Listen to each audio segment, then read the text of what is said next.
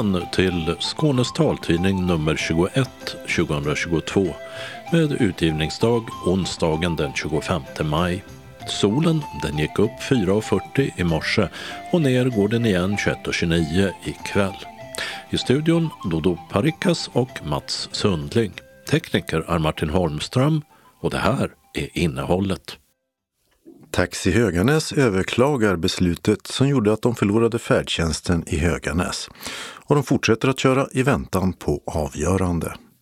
Synskadade kan rösta med bevarad valhemlighet för första gången när Danmark går till folkomröstning 1 juni om sitt förbehåll när det gäller EUs försvarssamarbete. Ska du berätta om din funktionsnedsättning på jobbet, även om den inte syns? Och är det bra att göra det redan när du söker jobbet? Forskaren Maria Norstedt vet vad som är vanligast.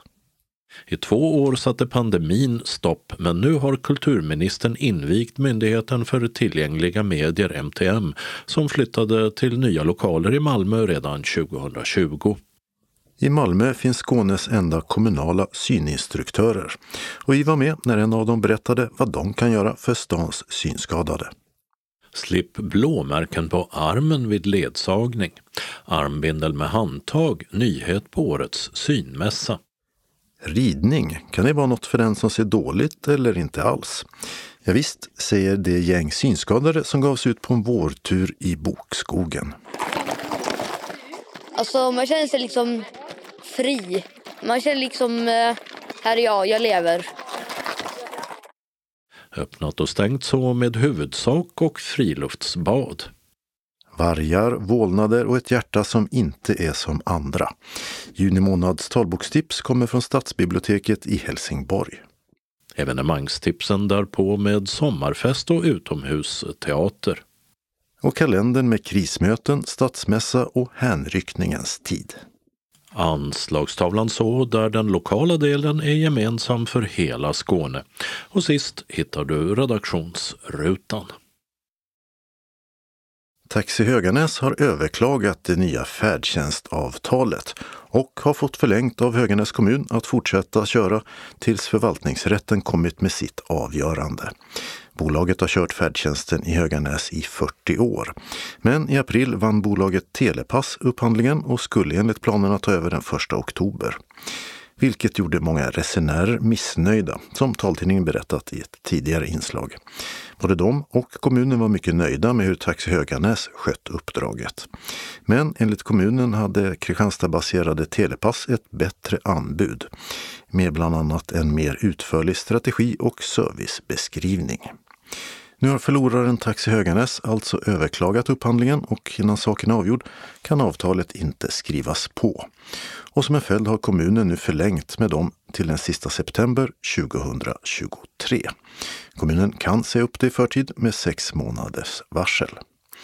Till Helsingborgs Dagblad säger socialförvaltningens ansvariga chef att citat vi vet ju inte hur lång rättsprocessen blir.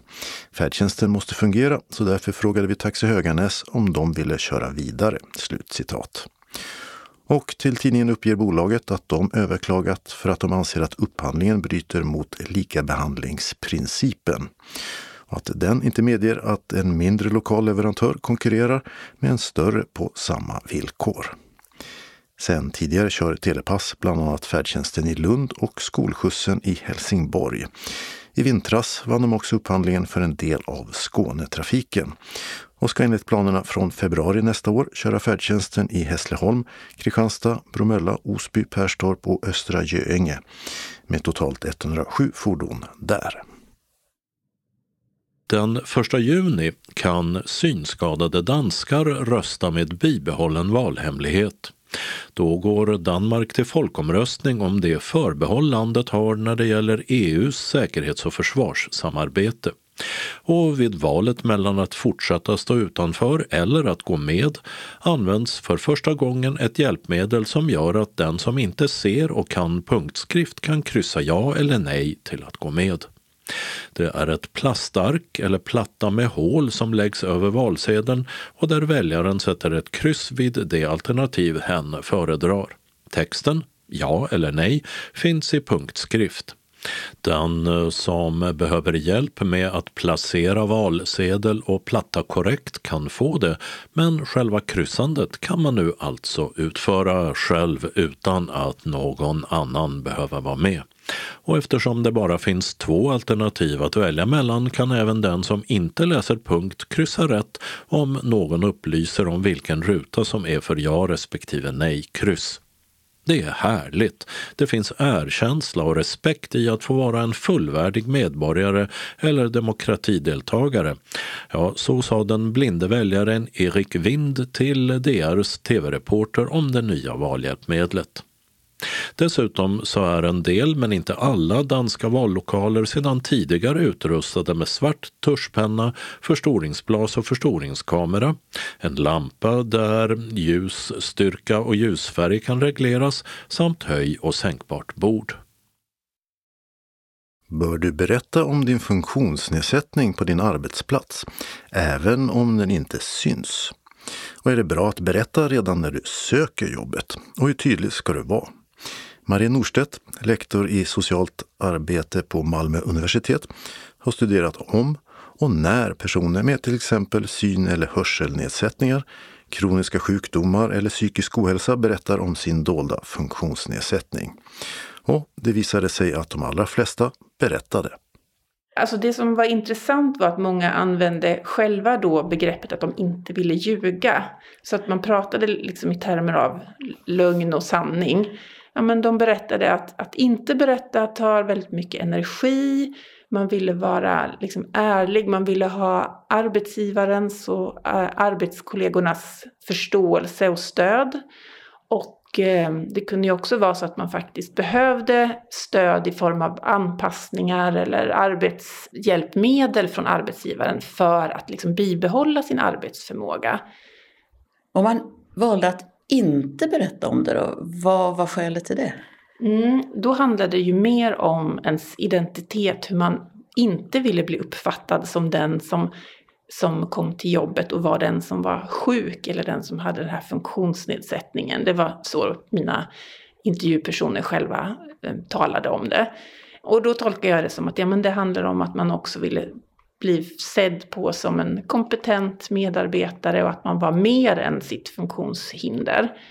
Och, och det kunde ju också finnas sådana saker som att man hade en funktionsnedsättning som eh, betraktades som stigmatiserande. Nu tänker jag på psykisk ohälsa i termer av bipolär sjukdom eller liknande. Men flera av dem hade ju också tidigare negativa erfarenheter som hade gjort att de hade den här känslan av att de hade blivit bemötta annorlunda.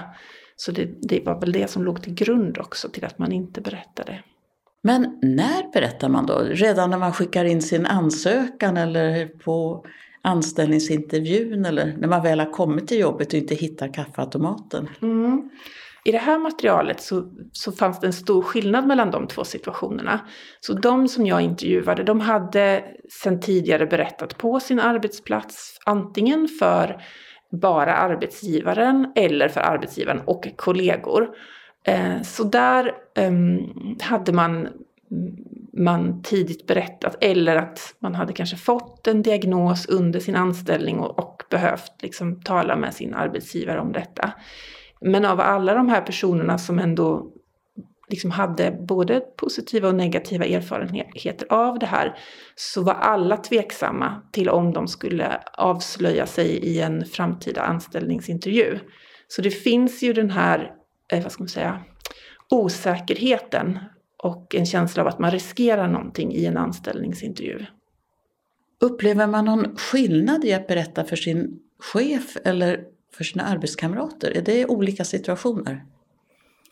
Ja, det tro, jag tror att, att det har olika betydelse. Därför att arbetsgivaren är ju den som man, om ens arbetsförmåga är nedsatt, så har man ju en skyldighet att berätta för arbetsgivaren. Men arbetsgivaren har också en skyldighet att inte föra någonting vidare om man nu inte som arbetstagare inte vill det. Men det kan ju bli liksom svåra sociala situationer när man ska samarbeta med sina kollegor som kanske inte vet varför man kommer senare på morgnarna eller att man kanske inte jobbar heltid eller varför får du gå ifrån och vila en stund på eftermiddagen? Så att för många så, så var det viktigt att också berätta för kollegorna för att få det stödet och den förståelsen. Fick de det då? Ja, men det var många som hade positiva erfarenheter och sa att eh, det var viktigt och att de hade fått den förståelsen. Men det som flera också nämnde, det var att ofta glömmer kollegor bort. Så även om man vet om så, så blir det liksom normaliserat efter ett tag. Och då glömmer man att man kanske inte kan vissa saker eller orkar vissa saker och eh, då eh, får man berätta om och om och igen. Så att, att framträda eller komma ut ur garderoben är ingenting man gör en gång utan man får göra det om och om igen. Var det några som upplevde att de blev direkt och illa behandlade när man berättade, om man inte hade gjort det då redan vid anställningsintervjun? Ja, det fanns flera exempel på personer som sa liksom att arbetsgivaren kallade dem för arbetsskygga om man inte längre fysiskt orkade ta i till exempel. Eller hur kollegor tyckte att det blev orättvist, att vissa då fick arbeta mindre och behövde göra mindre. Eh, det fanns också sådana exempel på personer som hade ganska mycket ansvar i sina organisationer, att de upplevde att andra personer blev tillfrågade att eh, leda större projekt eller få mer ansvarsfulla arbetsuppgifter. Så det är ju tre sådana exempel på hur de blev bemötta på ett annat sätt. Kan du dra några slutsatser av det här om när och hur och på vilket sätt man ska berätta helst? De slutsatserna som jag har dragit från det här, det är ju att trots att vi har ganska stark lagstiftning i Sverige så upplever den här gruppen personer en sårbarhet just för att man känner att man blir bemött och behandlad annorlunda när man berättar. Så att det tror jag är det viktigaste och att arbetsgivare och eh, personer som jobbar med personalfrågor förstår det. Att, eh, att även de här dolda funktionsnedsättningarna behöver man på något vis ta höjd för och hantera och ha kunskap om. Men min studie säger ingenting om vad som är bäst. Däremot finns det tidigare forskning där man har gjort sådana mer experiment och videofilmat personer i en intervjusituation och sen har då HR-personal och arbetsgivare fått bedöma vem man anser som mest kvalificerad för jobbet. Och då är det oftast de som berättat lagom mycket ganska snabbt in i intervjun om funktionsnedsättningar som är, vad ska man säga, inte så stigmatiserande. Så att berätta lagom mycket om till exempel en diagnos som diabetes ganska snabbt.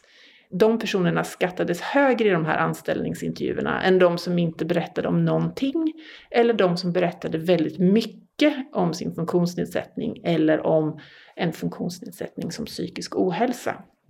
Jag tror att mycket handlar om att kanske inte tala i termer av diagnos utan säga jag har den här typen av eh, funktionsnedsättning som inverkar på min arbetsförmåga på det här sättet. Men med de här stöden eller anpassningarna så kan jag jobba lika mycket till exempel. Eller göra de här uppgifterna på samma sätt som andra ar ar arbetskamrater. Nu är det ju dolda funktionsnedsättningar vi pratar om som man inte upptäcker direkt när man möter personen. Är det skillnad då om det är en väldigt tydlig funktionsnedsättning, till exempel någon som använder rullstol eller vit käpp eller så, där man direkt upptäcker att den här personen har en funktionsnedsättning? Alltså den stora skillnaden är ju att där signalerar ju, precis som du säger, de här sakerna någonting till betraktaren eller den andra personen i det här mötet. Och det kan ju både vara positiva och negativa saker. Men med de dolda funktionsnedsättningarna så blir det ju alltid upp till individen själv att avgöra, är det här en situation som är tryggt att berätta det här i eller framträda i. Ska jag göra det nu eller hur ska jag göra det? Så det är alla de här övervägandena som jag tycker är spännande och som utmärker just de här dolda funktionsnedsättningarna.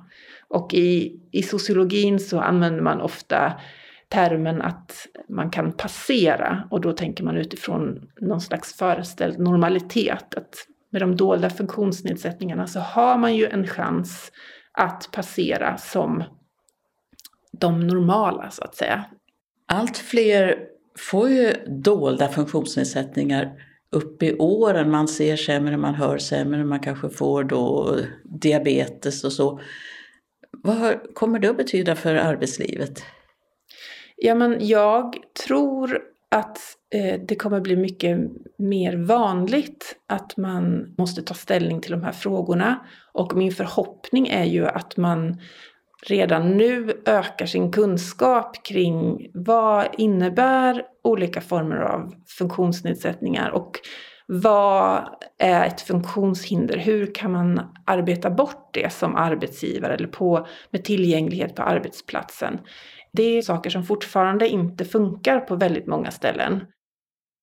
Sa Maria Norstedt, lektor i socialt arbete på Malmö universitet. Reporter var Birgitta Fredén. Och i löpsedeln på vår hemsida finns en länk till en intervju med Lars-Olof och Lena Larsson om att dölja sin synnedsättning på jobbet. Två pandemidrabbade år efter att Myndigheten för tillgängliga medier, MTM, flyttade från Stockholm till Malmö har lokalerna intill Skeppsbron i inre hamnen slutligen kunnat invigas.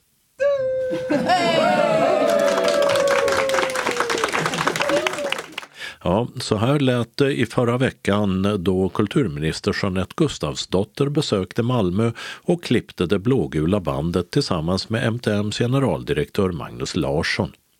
MTMs personal underströk vid invigningen myndighetens arbete för att tillgängliggöra läsning för alla och Magnus Larsson menade att MTM trots pandemin ändå fått en utmärkt start i Malmö.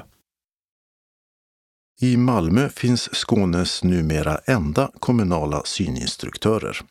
En av dem är Kristina Johansson som härförleden berättade för medlemmarna i SRF Malmö Svedala vad hon och hennes kollega Tom Nilsson kan göra för stans synskadade. Och taltidningen var där. Eh, Tom och jag är de enda syninstruktörerna för tillfället. Vi hade hoppats att det hade kunnat vara en i varje kommun i alla fall. Ja. Och allt som vi, Tom och jag, gör det är kostnadsfritt. Det behövs ingen remiss, inget biståndsbeslut heller. Och vi gör ju då en punktinsats. Vi kommer en gång, eller kanske två, och sen drar vi oss tillbaka. Och sen får ni höra av er till oss igen när det finns ett nytt behov. Vi vill gärna att de som är synskadade själv ringer till oss. Det är oftast inte anhöriga som vet problemet. Sen är det lite olika vad vi gör. Oftast är det mycket med sådana här med uppmärkning. Och det kan vara ifrån en, eh, ja ska vi ta, en tvättmaskin, spis, mikrovågsugn. Och då märker vi upp det med lite olika knoppar och så. Men sen finns det de som vill ha det på sitt sätt. Och då gör vi det så som de vill ha det. Vad är det viktigaste budskapet en sån här dag? Att vi finns och vad de kan få hjälp med. Och många vet inte riktigt vad vi gör och vad de kan förvänta sig att vi skulle kunna hjälpa dem med. Och att det är bara att ringa från synsvaga till gravt synskadade. Så vi har liksom ingen gräns. Det räcker med att man upplever att man ser dåligt helt enkelt. Det är ju väldigt handfasta och konkreta saker som eh, du pratar om. Men eh, är det så att du råkar ut för, eller ni råkar ut för att folk har för orealistiska förväntningar på vad ni kan och ska göra när ni kommer? Nej, det tycker jag inte faktiskt. Men eh, är det så att eh, det är någonting som inte är vårt arbete så lämnar vi ju det vidare till någon annan. Om det till exempel är någonting som en arbetsterapeut eller att man vill ha en rullator, då är det ju sjukgymnast. Men då lämnar vi det vidare. Vad är det vanligaste som ni faktiskt gör? Är det märkning eller vad är det? Uh, ja, och belysning. Belysning är nog det allra viktigaste och sen är det oftast ugnen eller spisen och man är rädd för att man inte vet när den är på och när den är avstängd. Och så är det orientering, att man vill orientera sig. Kanske om man har flyttat eller så, eller om de har flyttat en busshållplats eller man vill gå till någon annan affär. Är ni alltså ute och tränar in rutter också? Ja, och sen har ju synligheten ett ansvar också. Så att det är lite uppdelat men en lite enklare orientering. Att en busshållplats eller så är flyttad så brukar de kontakta oss. Men är det en som har flyttat och det är en lite svårare orientering, då är det synenhetens uppgift. Du heter? Rolf Berglund. Och eh, var det någonting nytt här för dig idag? Nej, det var det ju egentligen inte för mig, men jag tror att det är många som har haft väldigt nytta av denna informationen som hon gav där ute. Absolut, för att eh, jag klarar mig ganska bra. Jag ser ju i alla fall en tiondel på ett öga då, så att jag kan ju orientera mig någorlunda och klarar att läsa och så någorlunda. Men det var väldigt intressant att höra henne. Jag tycker det är jättebra att det finns och det är bra utav Malmö kommun att de också har kvar sina instruktörer för det är många kommuner som har skippat dem. Och det tycker jag är synd. För de gör säkert ett jättegott arbete för de som verkligen behöver. Och framförallt de som är nysynskadade. För jag har ju sett dåligt i hela mitt liv så jag vet ju liksom ingenting annat. Jag heter Agneta Ståhl. Jag är här med främst för att jag är med en, en anhörig som eh, har väldigt nedsatt syn. Så att jag kan väl säga att primära uppgift är ledsagare åt henne idag. Men jag har själv eh, lite tendenser till gula fläck så att jag börjar se lite sämre. Och av det som ni fick höra här idag eh, från syninstruktören, var det någonting som var nytt för dig? Jag känner ganska väl till vad det finns för typ av eh, hjälpmedel och också vad för service. Men hur den är administrerad och så just i Malmö, det, det var nytt. Och framförallt då för den personen som jag är med och är ledsagare för, som är nyinflyttad i Malmö. Birgitta Wenderberg. Jag har kommit i juni förra året. Jag kommer från Mölnlycke utanför Göteborg. Ja, det var en stor omställning. Och här idag, att träffa syninstruktören, vad gav det? Jag kände igen en hel del, så att jag kommer egentligen av sociala skäl. Men känner du att det skulle finnas anledning för dig att använda syninstruktören? Ja, så småningom. Du heter? Lars-Olof Larsson. Vad gav det här dig idag? Ja, det var ju att vart jag kunde vända mig, för det visste jag inte. För jag har ju bara tytt mig till min hustru med all, alla mina problem. Syncentralen har jag ju varit på och fått bra hjälp alltså. Men idag fick jag veta att det finns andra ställen. Det är Malmö kommun man ska ringa till. Och... Var det någonting du saknade i informationen? Nej, det var det nog inte i detta stadiet. Det blev ju mycket i alla fall. Det var mycket folk. Jag har inte rört mig med så mycket folk här på SRF innan ju. Så att eh, en bra träff. Du heter? Britt-Marie Linné. Var det någonting som var nytt här? Nej, men jag har varit med och utbildat dem på 80-talet. De var hemma hos mig och så jag visade hur jag fungerade som synskadad. Kommer du ihåg vad du gav för tips? Nej, jag vet bara att vi har stekt något kött och liksom berättade väl det här med klockan och alltihopa för de var ju nya då. Och det var faktiskt bland annat Kristina som har varit här. Vad är det roligaste med det här jobbet? Det är inte två dagar som ser likadana ut. Och där är inte två personer som har vad ska man säga, samma synskada. Och sen är det så olika vad man vill ha hjälp med och hur man vill ha hjälpen. Avslutade Kristina Johansson, en av Malmös två syninstruktörer. Och deras e-post om man vill nå dem är syninstruktorerna.fsf malmo.se och Kristina kan också nås på telefon 040-34 56 82 medan Tom Nilsson har 040 34 59 67. Telefontiden är måndag till fredag 8 till 10. Och reporter var Dodo Parikas. Så ska vi till Svensk Syns synmässa i Limhamn som ägde rum häromdagen. Under två år satte ju coronan stopp för mässorna. Men ledde pandemin också till att någon ny typ av hjälpmedel efterfrågades eller utvecklades? Nej, säger man bland de utställande företagen. Till exempel Mikael Haraldsson på Polar Print fick en enda konkret förfrågan av det här slaget. Precis när pandemin kom ut så fick vi frågor om talande febertermometer. Det är nog det enda det är ingenting vi har i vårt sortiment tyvärr heller.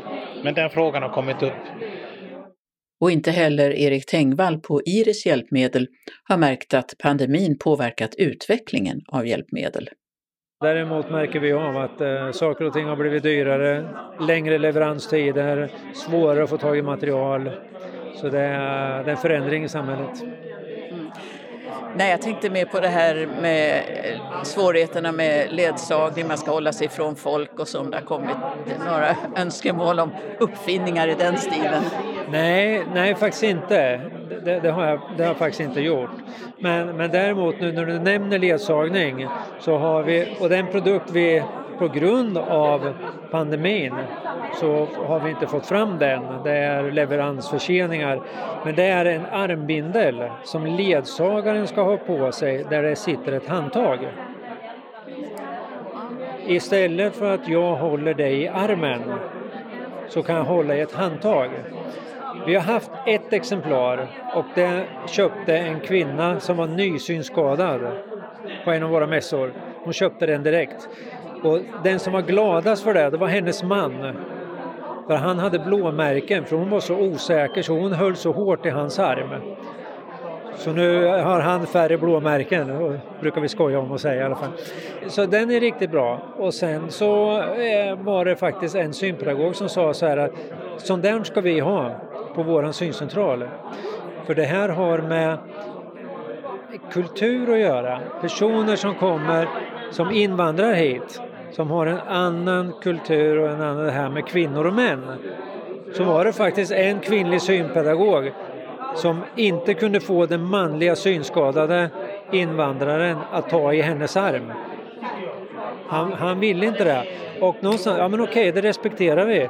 Men hade vi haft det handtaget så hade han kunnat hålla i handtaget utan att hålla i hennes arm. Det var ett användningsområde som inte jag visste om. Jag var jättetacksam för hennes information om det. Hur man kan tänka och vilken situation man kan hamna i faktiskt. Men det är alltså något som, som kommer att komma? Det, vi har beställt det så att det är bara det att vi, vi har inte fått hemmet. Så det, det, kan komma vilken vecka som helst eller vilken dag som helst. Så, att, eh, så det, det, den ser vi fram emot. Och det är upphandlat av regionerna? Nej. När det gäller upphandlingar så är kraven många gånger att det ska vara MDR-märkt. Och det ska vara medicinstekniskt säkra produkter för att det inte ska hända några olyckor av något slag. Om man då tänker till exempel, vi tar en sån här extrem sak som en pacemaker. Den får ju inte, det får inte bli fel på en sån. Det måste vara en säkerhet att sätta in och därför har de gjort sådana kontroller att ja, men den här är så säker så den MDR, tillverkaren godkänner det här. Och det gör att det här har de satt på alla hjälpmedel, mer eller mindre. Och det kommer alla hjälpmedel aldrig bli MDR-märkta. Det, finns, det kostar för mycket för tillverkaren. Utan vi har det på de sakerna som vi säljer mest utav. Det är käppar, det är klockor, det är Daisy, eh, det är eh, Milestone fick minnen. Men, men resterande kommer det aldrig bli och då, då kommer det aldrig komma med i en upphandling utan då får privatpersonerna köpa det själva. Och vad kan ett sånt armbindel med handtag kosta då? 300-400 kronor med moms sa Erik Tengvall, försäljningsansvarig på Iris hjälpmedel. Reporter var Birgitta Fredén och vi återkommer till synmässan i eh, Skånes taltidning framöver. En solig dag då björkarna precis slagit ut och marken var täckt av vitsippor gav sig ett gäng synskadade ryttare ut för att rida islandshästar i Brönnestad nära Hovdala slott och Finjasjön. En del av dem hade inte ridit alls, medan andra hade lite ridvana sedan tidigare. Och bland frustande hästar stod Susanne Restad, en av deltagarna. Jag eh, tycker det är jätteroligt. Jag har provat på att rida islandshästar tidigare. Det är 10-15 år sedan senast. När synen blev för dålig så vågade jag inte ge mig på det igen själv, bara sådär. Så nu när det blev så här organiserat för oss så tyckte jag att det var självklart att jag skulle prova på det igen. Hur mycket ridvana, eller har ni någon ridvana och i så fall hur mycket? Jag har ingen alls. Inget. De flesta har väl inget. Väldigt, väldigt begränsad. Jag red när jag var liten. Men du vågar nu trots att du då hoppade av eh, för ett antal år sedan för att synen blev sämre? för- alltså nu, nu är det ju ledsagning och så. Det, mycket, mycket av anledningen till att jag tyckte det var jobbigt innan var att eh, jag tänker att de som håller i, i det, så att säga, som har hästarna, skulle bli jättenervösa om man kommer och säger om man inte ser och så, så blir det jobbigt på det sättet. Så nu, när det liksom, nu är det ju vi som inte ser som rider, så nu, nu är det liksom inget tjafs på den biten. Och vad förväntar du dig av den här turen? Ja, att det ska bli jättemysigt. det ska bli jättekul. Trampar till så jag får se. se. Där ska du ha den. Där foten är som bredast. Och så ska du trampa ner här. Ja. Det knastrar av hovar i gruset när hästarna efter en ganska lång stund leds ut på grusplanen mellan stallet och hästhagarna intill. Det är sju ryttare med synnedsättning som ska rida och fyra ledsagare till häst ska hjälpa till. Det tar ett tag att komma fram till vem som ska rida med ledsagare och vilken häst som passar bäst för de olika ryttarna. Det är Eddie. Eddie, Ja. då ska du få rida på en häst som heter Leiknir. Men så får alla sin häst och Emily Paulsson, som har en synnedsättning och sitter i rullstol, väntar på att få hjälp att ta sig upp på islandshästen Olga. Skulle vi ha Olga var det? Olga går jag och hämtar. Jag brukar säga att jag får chansen när den kommer på olika läger och aktiviteter. Men eh, är inte ridvan så jag tycker detta ska bli jättespännande. Och, eh, vad var det som gjorde att, att du anmälde dig, att du ville vara med? Chansen att få, att få rida och rida på islandshästar och rida ut är ju jättehärligt. Så ja, men jag tyckte det lät som en väldigt trevlig aktivitet.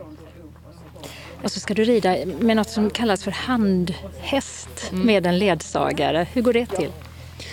Ja, det fick jag precis reda på. Det visste jag inte själv.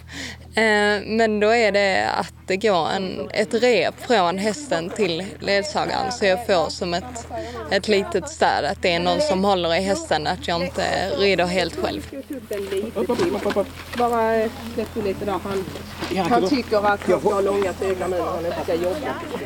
Under tiden som stigbyglar rättas till och ryttarna får instruktioner om hur långa tyglarna ska vara och så vidare, så sitter Susanne Restad redan till häst och längst fram i ledet på Lekur, en brunskimrande islandshäst som tålmodigt väntar på att de andra ska bli klara.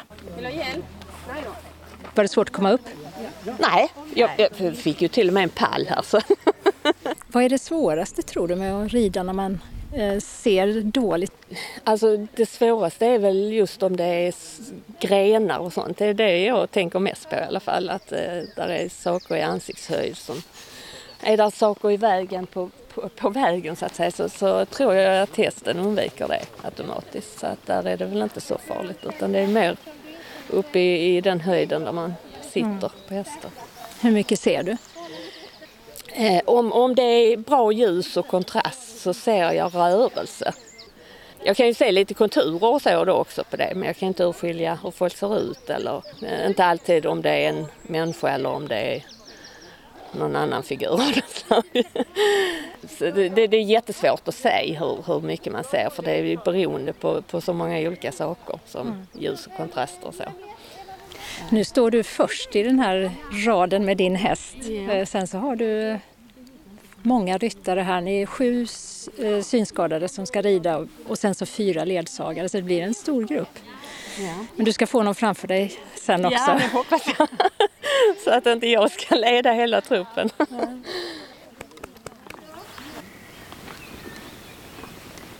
Härligt också man hör fågelkvitter sådär runt omkring.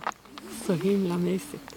Maj är den absolut bästa månaden. Hör du bäcken som går här nere. Den pålar lite sådär i bakgrunden.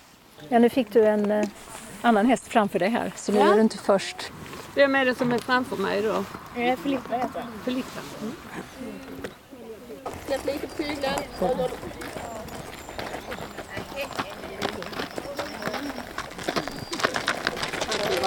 Ja, jag ska vara där. Så är alla klara och i skritt går det framåt och det är inte svårt att följa med till fots eftersom det är ett lugnt tempo. Det tar lite tid innan alla hittar sin plats i ledet och någon häst vill gärna smaka på det frestande nyuppkomna gröna gräset i vägkanten och passa på att snappa till sig en bokkvist med nyutslagna löv.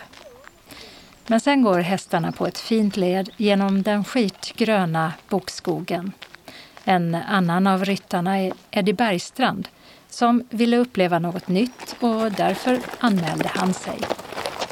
Man bör liksom välja sig med det här. I början var det lite, lite ostadigt men alltid kul med nya utmaningar. Det är faktiskt fantastiskt bra. Hur tycker du att det känns nu? Bra. Det är, lite ovant. Kommer att känna det när man vaknar imorgon. Det är jobbigt för kroppen? Ja, jo men lite är det Men det är klart värt det. Och bara vara ute så här, det är jättehärligt. Det är många dofter och sådär också här. Ja, dofter och ljud och man får känna lite vårvärme, äntligen. Jag visste inte hur länge vi skulle vara ute men de sa två timmar. Så det blir rejält. Och du är inte rädd när du rider? Äh, inte nu. Lite när jag klev upp på den. Jag är ju väldigt eh, stel i kroppen så jag behövde ju hjälp av tre personer bara för att komma upp på hästen. Det är ju lite, lite läskigt. Men eh, sen är det ju när man kommer igång och och så. Rörelserna känns ju väldigt stora första gångerna men sen, ja, sen lunkar det på liksom. Hur mycket ser du? Eh, jag ser 2 procent, ser kanske inte jättemycket. Men eh, konturer, skarpa kontraster, lite klara färger kan jag se. Men jag kan inte orientera mig med hjälp av synen. Men om det skulle komma en gren, ser du det? Nej, det kommer jag inte göra. Just för att eh, vi rider i skogen och allt är liksom grenar. Jag kan inte avgöra avstånd så. Får bara hoppas att det inte kommer en gren. Ja, det är en lång tur, men det blir ingen tölt, islandshästarnas speciella gångart, eftersom en del inte har någon ridvana alls. Så det är skritt som gäller och efter en timmes ridtur blir det halt för att kolla läget. Hon vill ta hästarna med sig hem. Ja, men det får man inte. Fyra timmar till då?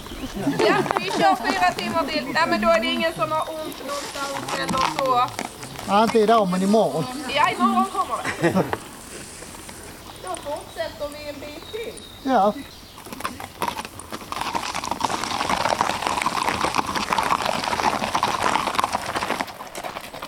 Filippa, du får hålla i skriften lite grann.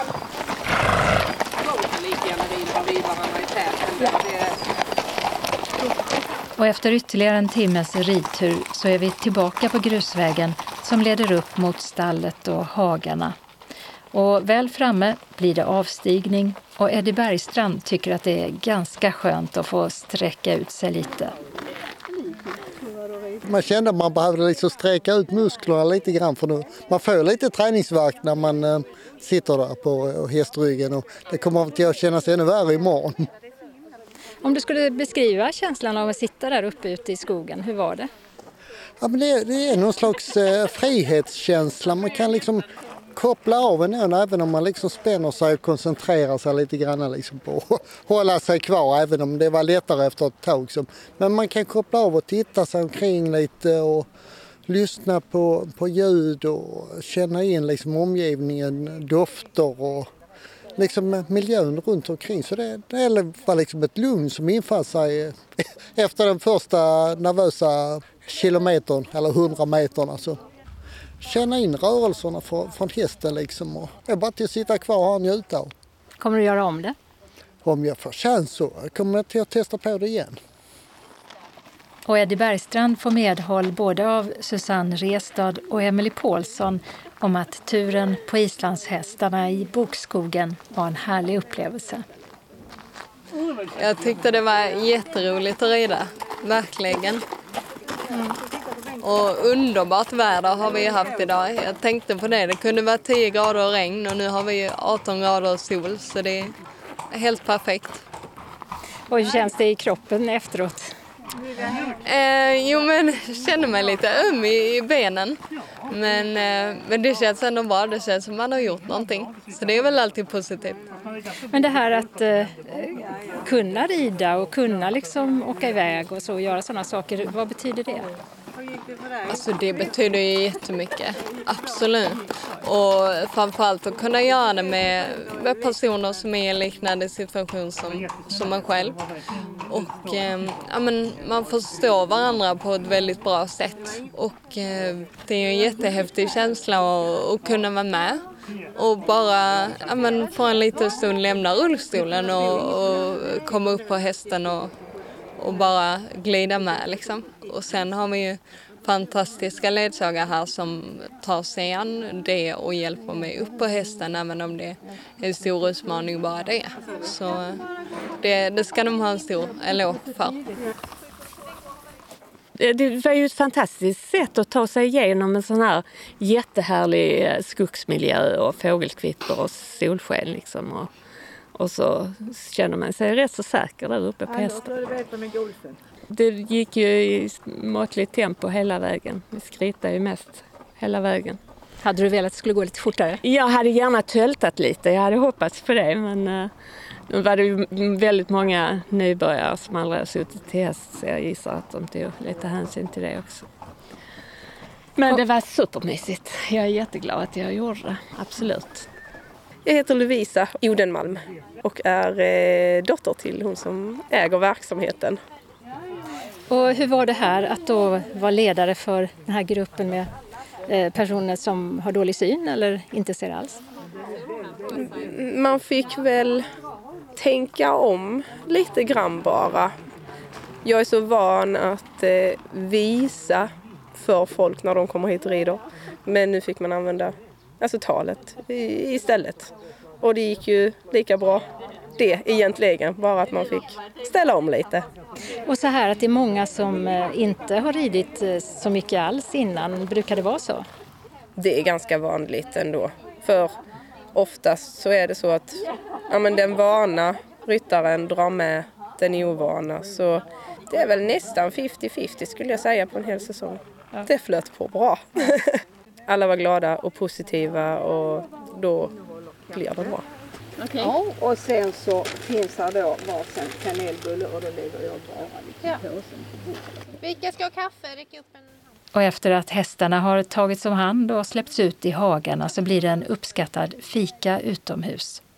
Och för gruppens yngste deltagare, Ingmar Gråberg, som är tio år, så har det varit en spännande upplevelse. Det var faktiskt jätteroligt. Eh, roligare än vad jag tänkte mig faktiskt.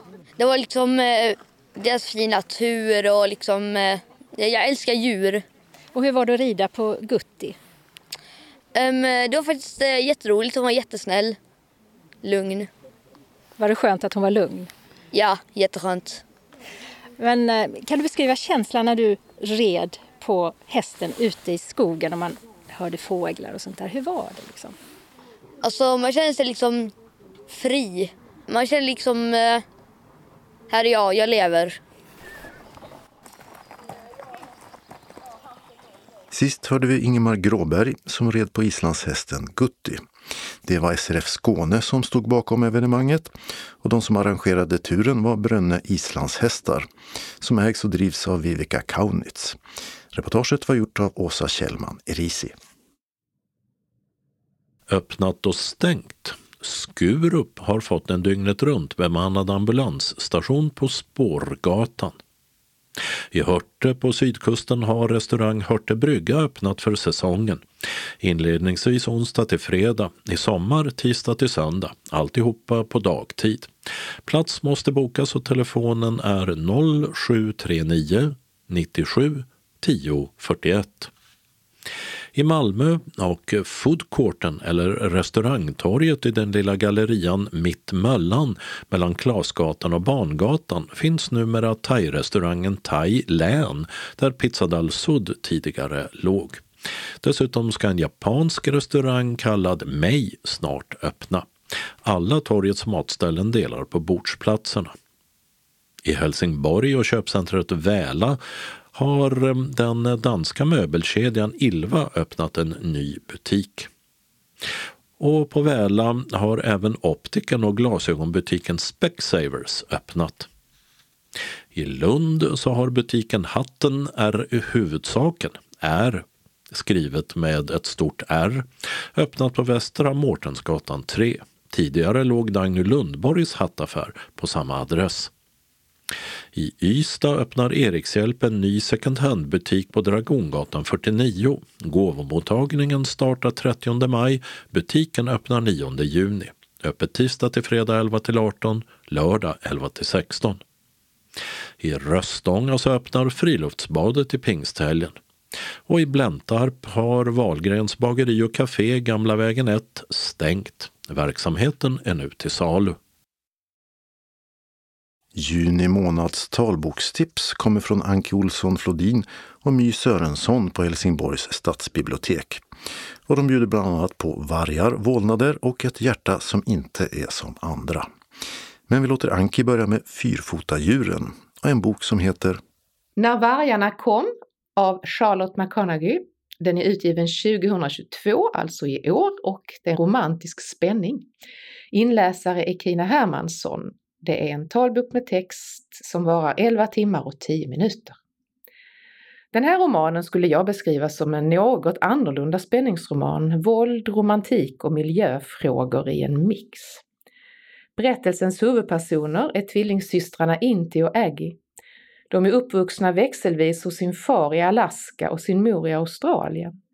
Mamma är jurist och pappan en person som alltid levt av och för naturen. Döttrarna är uppfostrade till att aldrig ta mer från naturen än vad de behöver. Inti lever med en diagnos, spegelberöringssynestesi. Det innebär att hon i sin egen kropp kan känna andra människors smärta. Som tvillingsyster står hon Aggie väldigt nära. De båda är också så lika att till och med pojkvänner förväxlar dem. När Aggie utsätts för en våldsam handling i en nära relation som gör henne stum går smärtan rakt in i Inti. Som vuxen har Inti blivit starkt engagerad i naturvård och befinner sig, när romanen börjar, i de skotska högländerna med ett naturvårdsteam för att återimplantera vargar.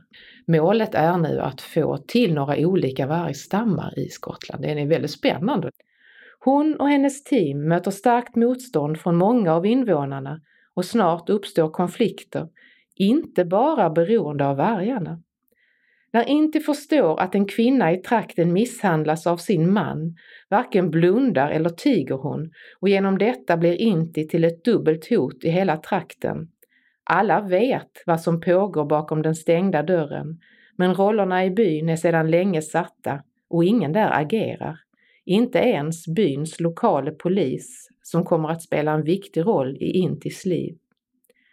När en man från byn spårlöst försvinner skyller många på vargarna. En passande men eh, för enkel förklaring. Och därifrån fortsätter vi till My och fler djur. Ja, jag ska tipsa om Djur av Lise Tremblay. Det är en roman som kom ut 2021.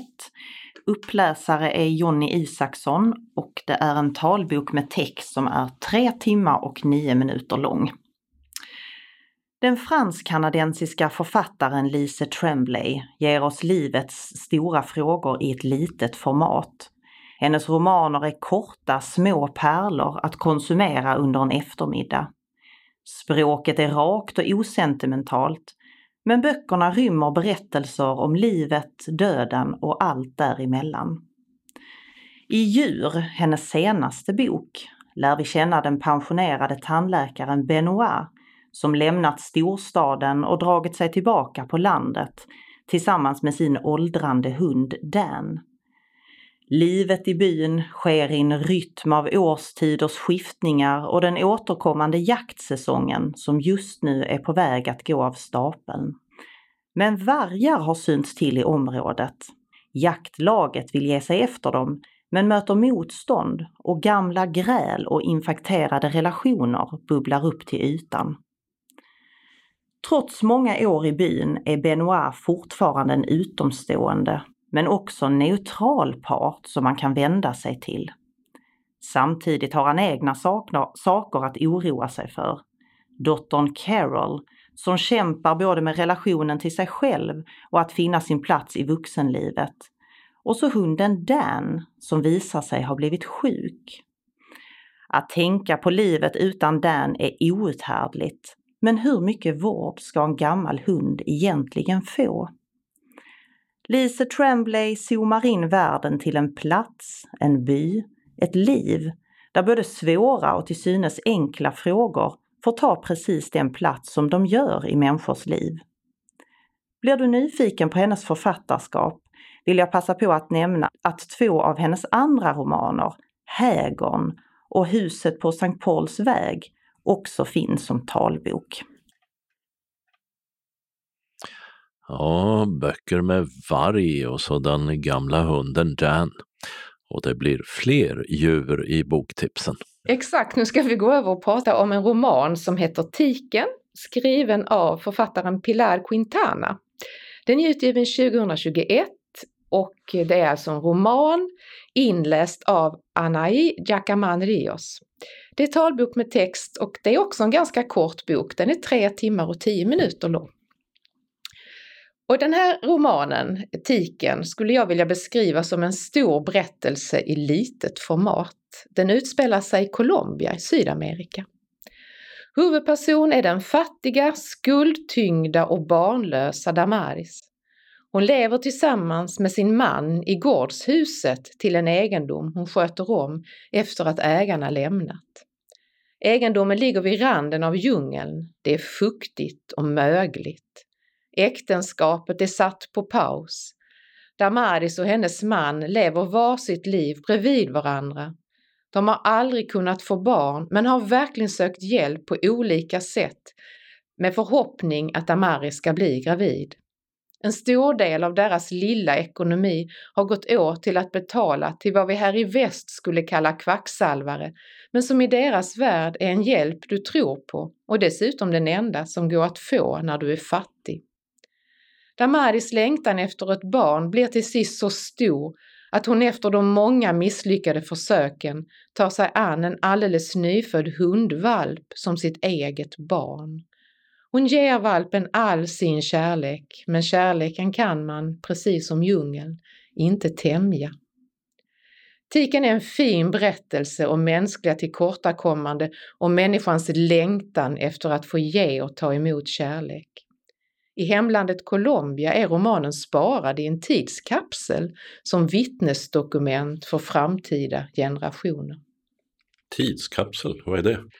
Ja, det är väl helt enkelt så här att någon ska hitta den här om några hundra år bevarad för att man ska kunna se hur vi en gång i tiden levde här på jorden. Och från djur som definitivt finns till någonting som i alla fall den här författaren menar definitivt inte finns men som många har trott och tror på. Det handlar om vålnadernas historia Spöken, skeptiker och drömmen om den odödliga själen av Magnus Westerbro. Det är en facklitterär bok som kom ut 2019. Den läses upp av Magnus Demitz Helin. Talbok med text på 23 timmar och 26 minuter. Spöken, gastar, häxor, troll och inte minst djävulen själv i alla tider har de berättats om och varit symboler och bevis i striden mellan tro och vetande. Så länge människan nedtecknat reflektioner över sin egen existens och upphörandet av den så har det också funnits tankar och idéer om livet efter detta, vad vi ofta kallar den andra sidan. Tillsammans med Magnus Westerbro gör vi i Vålnadernas historia en resa i den europeiska spöktron. Och vi börjar så långt tillbaka som i antiken. För redan då berättades det om människor som kom tillbaka från de döda och redan då fanns det tvivlare som ifrågasatte rådande världsbild och gudatro. Spöken. Kanske tycker du att det låter banalt? Nej, den här boken är allt utom det. För hur vi trott och tänkt om gengångare har sitt ursprung i religionen. Vår bild av livet efter detta har genom historien varit kyrkans kanske viktigaste fråga. Besök från andra sidan har därmed setts både som ett hot mot gudstron och som ett bevis för själens odödlighet. Den här boken är fantastiskt spännande och intressant för alla som är intresserade av kulturhistoria, religion och filosofi, eller för all del spöken. Magnus Westerbro har förutom Vålnadernas historia skrivit flera historiska böcker, bland andra Svälten, hungeråren som formade Sverige, som fick Augustpriset för bästa facklitterära bok 2018. Och Västerbro är väldigt noga med att i förordet berätta att han själv inte tror ett smack på spöken. Är det en fördel eller en nackdel? Ja, vad ska man säga? Jag har inte lagt så mycket vikt vid det. Jag tycker det känns spännande överlag bara att gå ner i historien och, eh, och liksom bekanta sig med alla olika uppfattningar som har dominerat eller varit lite under ytan. Sådär. Men nej, han är tydlig med, med sin ståndpunkt i frågan, det är han. Mm. Och du själv? Jo, men jag tror på spöken. Gör inte ni det? Och du fortsätter här, Anki, med en självbiografi, en mycket uppmärksammad sådan. Den har fått väldigt mycket uppmärksamhet. Jag ska berätta om Hjärtat, skriven av Daniel Bergman. Och det är en talbok med text som varar i 14 timmar och 10 minuter. Vad är ett hjärta? Vad fyller det för funktion? Vad gör vi om det inte fungerar, fysiologiskt eller känslomässigt? Daniel Bergman jobbar som ambulanssjuksköterska. Han älskar sitt arbete som han utbildat sig till efter en lysande karriär som filmare. Äntligen känner han att det han gör är på riktigt, på liv och död och han berörs av de människor han möter i utsatta situationer. Privat har livet äntligen också fått en äkta innebörd. Han är pappa till en dotter, mitt hjärta, som han älskar över allt annat. Efter en uppväxt som varit vad jag skulle säga dysfunktionell fungerar Daniels hjärta nu fullt ut känslomässigt. Tyvärr fungerar det inte lika bra fysiologiskt. Det är faktiskt riktigt illa. Under några få veckor 2011 får författaren två allvarliga diagnoser, MS och mitralis insufficiens, en svår hjärtsjukdom som kan leda till hjärtsvikt och kvävning. I allt detta svåra gäller bara en sak, att leva så länge det går för att mitt hjärta, den älskade dottern, ska få ha sin pappa kvar åtminstone några år till.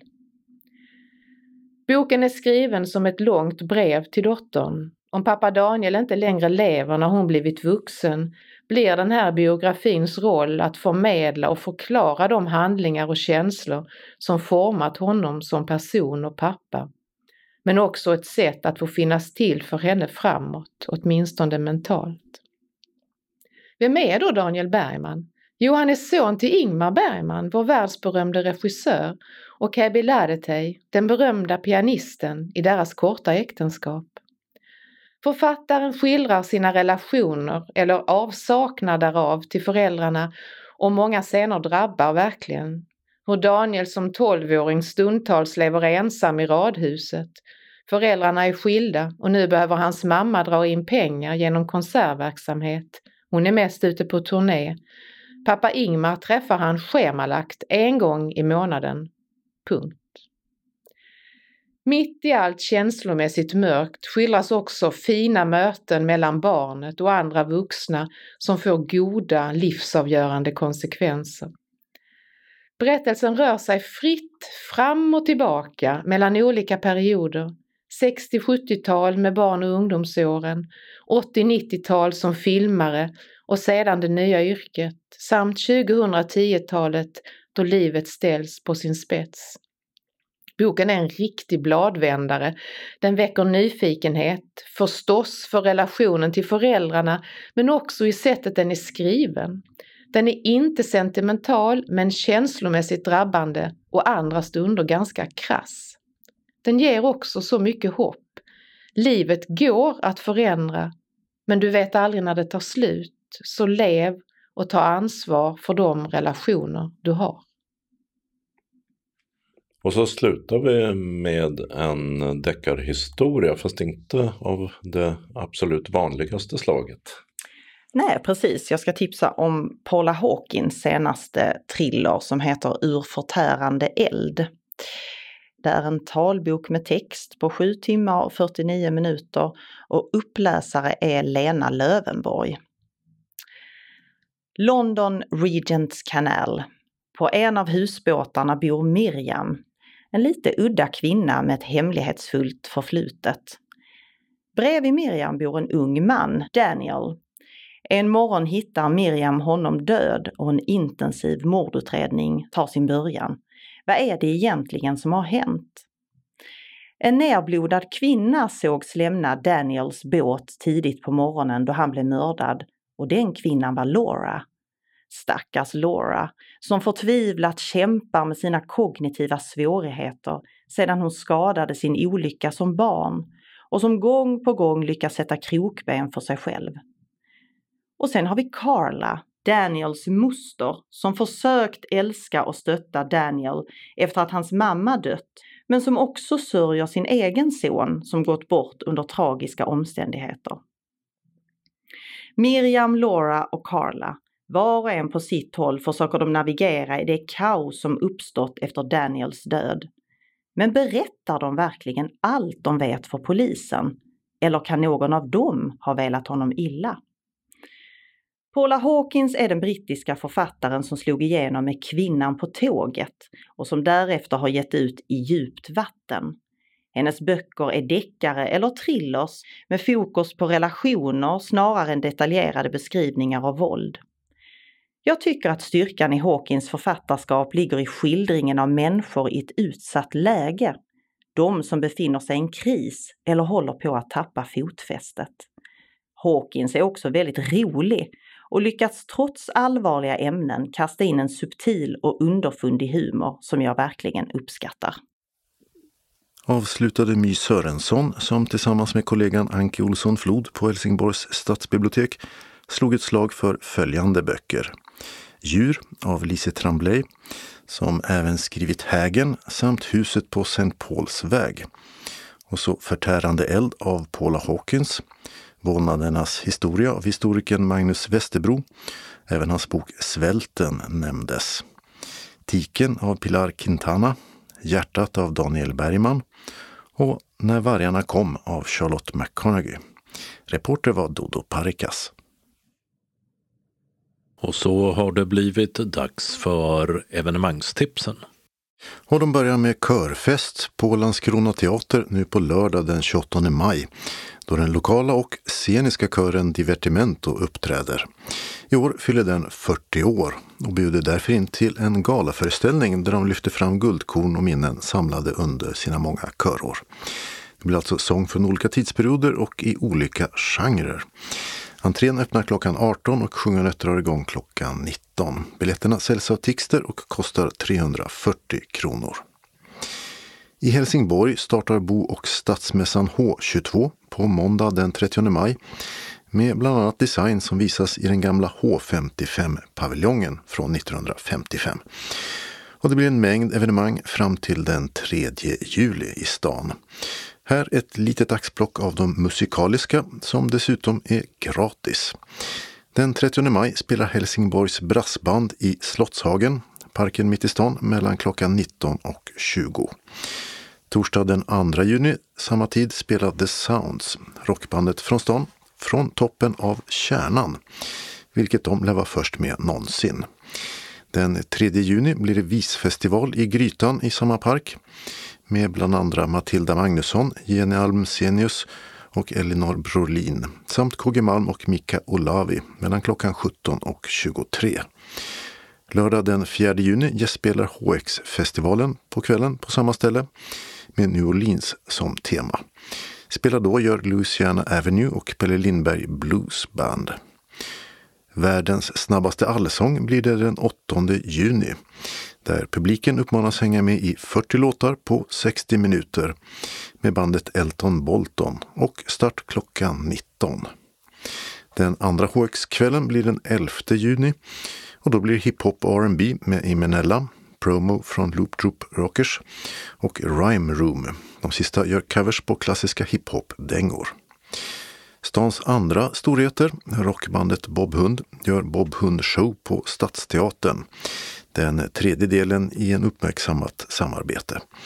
Den fjärde, åttonde och nionde juni ska publiken få reda på den overkliga sanningen om bandet. Första kvällen mellan klockan 18 och 19.30, de två andra 19 till 20.30. Sittplatserna kostar mellan 85 och 280 kronor. Stadsbiblioteket i Ystad har en talbokscirkel redan onsdag den 1 juni mellan klockan 14 och 15. Här kan man dela läsupplevelser över en kopp kaffe. För att vara med så ska man föranmäla sig till biblioteket, telefon 0411 57 72 90 eller 0709 47 72 91. Det blir sommarfest på mejeriet i Lund fredag den 10 juni mellan klockan åtta på kvällen till ett på natten. Duon Smile uppträder och den består av Björn Yttling och Joakim Ålund. Det är fri entré och en åldersgräns på 18. Efter två år med pandemistoppade föreställningar blir det torsdag den 16 juni till sist premiär på Fredriksdalsteaterns uppsättning av Pang i bygget. Med Eva Rydberg, Adde Malmberg med flera på scen. Och det är samma skådisar och samma dysfunktionella engelska badhotell som 2014 men manus är den här gången skrivet av tv-serien skapare John Cleese själv. Och den nya versionen ska bygga på ett av de mest populära avsnitten, Hotel Inspectors. Föreställningarna ges flera gånger i veckan till den 21 augusti. Alla köpta biljetter till de somrarna, alltså då 2020 och 2021 som blev inställda, ska gälla på motsvarande datum i år. Och nya biljetter kostar 495 kronor eller 285 för ungdom och de kan köpas på webbsidan evarydberg.se via e-post till info evarydberg.se eller via telefon 0738 14 22 27 eller Julius biljettservice 0775 70 04 00 eller i biljettkassan på Dunkers kulturhus, telefon 042 10 74 00. Kalendern för vecka 22 2022 börjar med måndag den 30 maj då 150 dagar gått av året.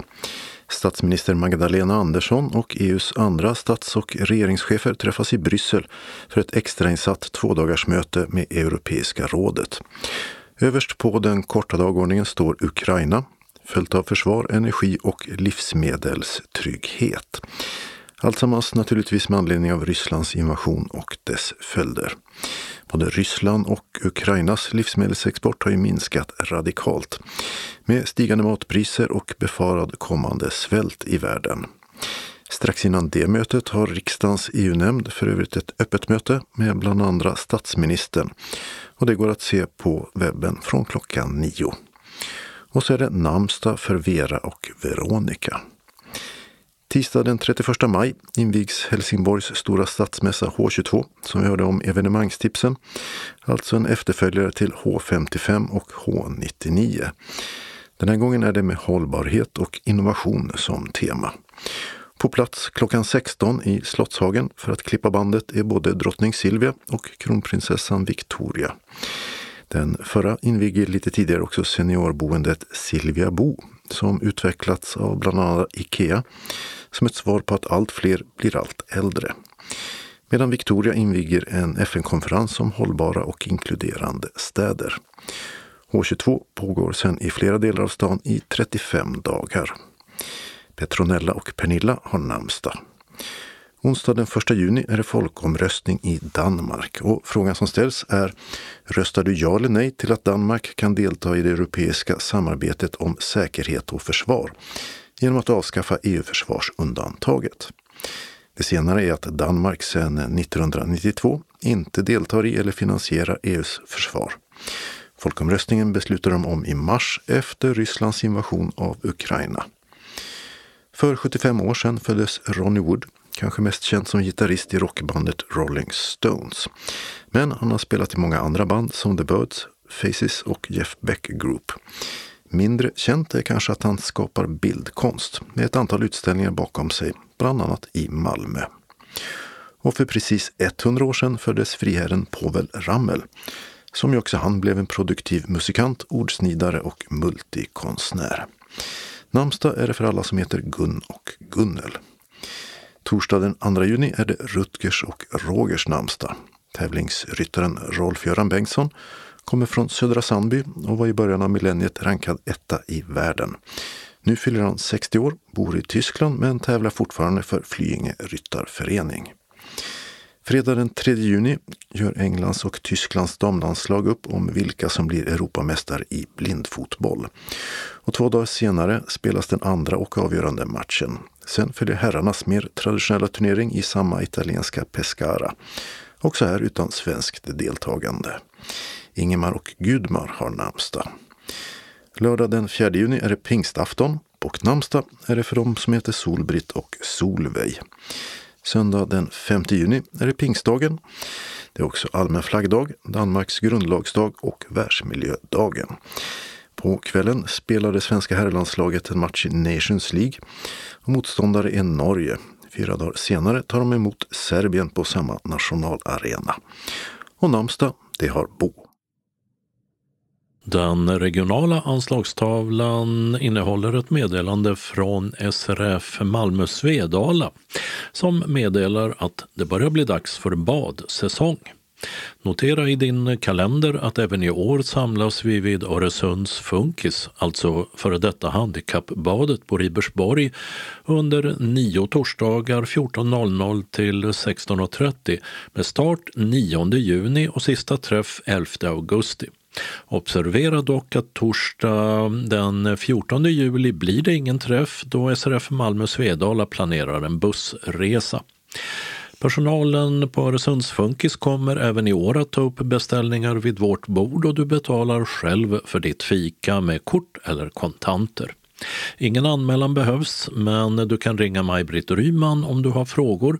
Telefon 070 324 6609. Vi hälsar även medlemmar från andra föreningar välkomna och i så fall betalas reseersättning ut från SRF Skåne sedan kvitto skickats in inom tre månader. Undertecknat SRF Malmö Svedala, styrelsen. Den lokala anslagstavlan är gemensam för hela Skåne och innehåller meddelanden från SRF Kristianstad-Bromölla, SRF Malmö Svedala och SRF Västra Skåne samt ändringar i busstrafiken. SRF Kristianstad-Bromölla har ett meddelande till sina medlemmar. Har ni lust att hänga med på en kort försommarpromenad nu när naturen är som skirast och vackrast? Gullbritt och Birgitta Bo har provgått en liten slinga på cirka två kilometer i Uddarps strövområde och tyckte att sträckan var extremt lätt att gå. Området ligger utanför Skepparslöv och norr om Uddarpsgården. Vi tyckte den var så lätt att gå att även du som normalt sett inte kommer ut på promenader kan klara av den. Vi tänkte oss torsdag 16 juni klockan 14. Då går vi först promenad och därefter stannar vi på grillplatsen och grillar korv. Du som åker dit med färdtjänst bokar till Uddarps strövområde norr om Uddarpsgården och bokar din hemresa till någon gång efter 16.00. Du kan anmäla dig på mejl birgitta.bo icloud.com Bo stavas med två O och iCloud I-C-L-O-U-D. Eller smsa eller ring 0733 76 60 02. Vi behöver din anmälan senast 13 juni. Uppge om du tror att du äter mer än en korv så vi vet hur mycket vi ska köpa in. Vi hörs och ses undertecknat Birgitta Bo. SRF Malmö Svedala välkomnar till sin dagverksamhet vecka 22. Vi serverar kaffe och smörgås eller kaka till en kostnad av 10 kronor. Vi vill att alla anmäler sig till kansliet telefon 040 25 05 40 om man tänker komma på någon av dagaktiviteterna. Och det är senast klockan 10 samma dag som aktiviteten. Känner man sig sjuk stannar man hemma. Måndag 30 maj mellan 13 och 15 blir det tidningsläsning och eller frågesport. Och tisdag 31 maj 13 till 15 och 15 blir det bingo. SRF Västra Skåne inbjuder till månadsmöte tisdag 14 juni 14.00 till 16.15 i SRFs lokal Vaktgatan 3, Helsingborg. Fikavgift 30 kronor. Det blir sedvanliga mötesförhandlingar och vi får besök av Conny Palmqvist som ska prata om sin bok Sundets röda nejlikor.